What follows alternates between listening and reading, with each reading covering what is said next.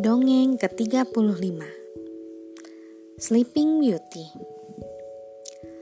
Long ago, a king and queen reigned in a country far away. They waited a long time to have a child, and when the queen finally gave birth to a little girl, everyone in the land rejoiced. The proud king held a feast to celebrate he invited all his family and nobles and friends and neighbors.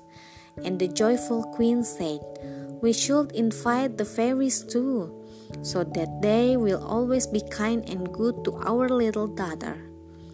Now, there were thirteen fairies in the kingdom, but the king and queen had only twelve golden dishes for them to eat out of.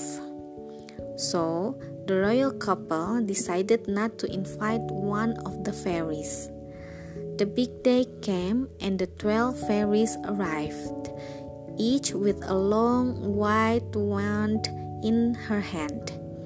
And after the feast was over, they gathered around the baby's cradle and each gave her gift goodness, beauty, intelligence, and so on all the best things in the world.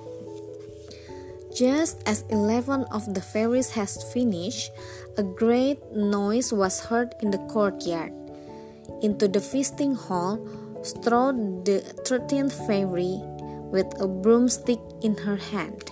As she had not been invited to the feast, she was very angry. She swept up to the cradle and cried out, When the princess is 15, she shall be injured by a spinning wheel spindle and fall down dead. The queen collapsed into the king's arm in shock, while everyone gasped and wept and wrung their hands, and the evil fairy stormed out. Everyone had quite forgotten the twelfth of the friendly fairies who had not yet given her gift. Now she stepped forward. I'm afraid I cannot undo the evil curse, she sighed, but perhaps I can soften it a little. And she made a magic wish that the princess would not die when the spindle injure, injured her, only fall asleep for a hundred years. The next day, the king did what he could to save his dear child he ordered that all the spinning wheels in the kingdom should be burned. And so the little princess grew up without ever seeing one. She became good and clever and beautiful, and all other wonderful things the eleven good fairies had wished for her. Everyone who knew her loved her. On the day of her fifteenth birthday, the princess was walking through the palace when she came across a little door she had never noticed before. She opened it, and there was an entrance to a mysterious tower. At the top of the tower, stepped sat an old lady, busy at a strange wheel with some thread. Hello, said the princess, very curious. What are you doing? Spinning, said the old lady and hum a tune mill whir went the wheel. How prettily that little thing turned round, saying the princess, reaching out for the spindle. Ouch! she cried as her fingers touched it. And while the wicked fairy, for it was he, and her spinning wheel vanished, the princess fell down in an enchanted sleep. At the moment, the king and queen on their thrones in the great hall fell asleep too. So did all the courtiers. The dogs slept by their feet, and so did the horses in the stables, the pigeons on the tops of the turrets, and the flies upon the walls. In the kitchen, the butler fell asleep while taking a drink of beer, and the cook fell asleep while turning a goose into a spit.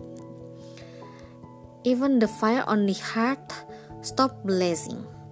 In the courtyard and the gardens, the fountains froze, the flowers stilled, and the royal guards nodded and slept slowly.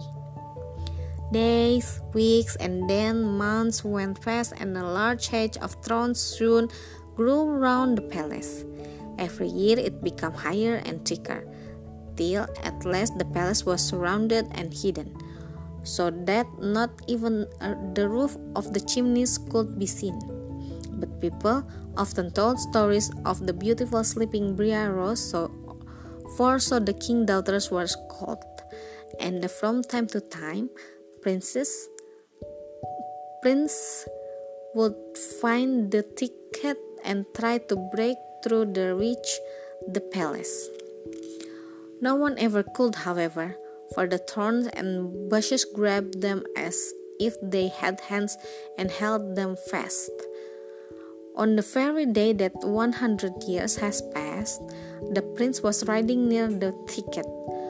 To his astonishment, the bushes parted as he approached to let him clamber through easily, and the sharp thorns turned into a beautiful flower as he passed them.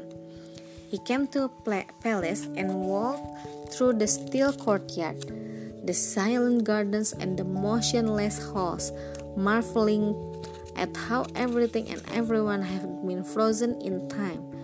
Finally, he passed through a strange little door and came to a small tower room where the Princess Briar Rose lay asleep on the floor. She looked so beautiful that the prince stopped down and gave her a kiss. At that moment, she opened her eyes and woke up, and how she smiled at the handsome prince before her. He helped her up, and together they went out into the palace, in which everyone else was waking up too, quite astonished. Over the coming days, on and on and on an even more splendid feast was held than at Briar Rose's birth, a feast to celebrate her marriage to the prince, and everyone lived happily ever after. The end. Terima kasih telah mendengarkan. Selamat malam.